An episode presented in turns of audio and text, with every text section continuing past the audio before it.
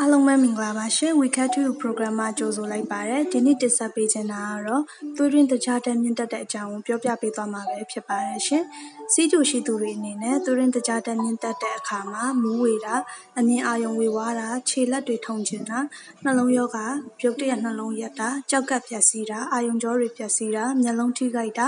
အရေးပြပြဿနာတွေခံစားရနိုင်ပါတယ်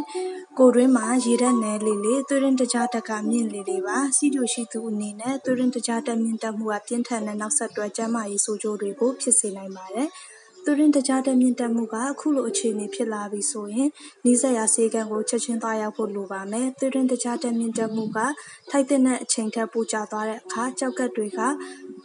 စီးသွားတာကနေတဆင့် ကိုယ်ထဲမှာပိုနေတဲ့ သွေးရင်းတကြားတက်တွေကို စွန့်ထုတ်ရပါတယ်။ကြောက်ကက်က သွေးတွေကို အဆိုပါနည်းလမ်းနဲ့ စစ်ထုတ်တဲ့အခါမှာ ကိုယ်တွင်းမှာ ရေဓာတ်က ပိုမိုလိုအပ်လာမှာပါ။ သွေးထဲက ရေဓာတ်ကျဆင်းသွားမှုကို ဖြည့်တင်းဖို့လည်း ရေကို လိုအပ်မှာပါ။ဒီအချိန်မှာ ပုံမှန်ထက် ရေပိုစားတာမျိုး ဖြစ်နိုင်ပါတယ်။ဒီရေဓာတ်ကို ပြည့်ဖို့ဆိုရင် ရေများများသောက်ဖို့ လိုပါမယ်။ကုန်ဆုံးသွားတဲ့ ရေဓာတ်ကို မဖြည့်တဲ့အခါမှာ ကျောက်ကပ်တွေက စစ်ထုတ်ဖို့အတွက် လိုအပ်တဲ့ရေဓာတ်ကို ကိုယ်တွင်းက ရေဓာတ်တွေဖြစ်တဲ့တတွေ၊မျက်ရည်နဲ့ cell တွေထဲက ရေတွေကို ရယူလိုက်ပါတယ်။ဒီအခြေအနေက ကိုယ်တွင်းရေဓာတ်နည်းစေပြီးကတွင်းခြောက်တာ၊မျက်လုံးခြောက်တာနဲ့ သွေးရင်းတကြားဓာတ်မြင့်တက်တာကို ဖြစ်စေပါတယ်။ဒီအခြေအနေကို အကောင်းဆုံး ဖြေရှင်းနည်းကတော့ ရေကို ပြည့်ပြည့်ဝဝသောက်သုံးတာပဲဖြစ်ပါတယ်ရှင်။အားလုံးကိုကျေးဇူးတင်ပါတယ်နော်။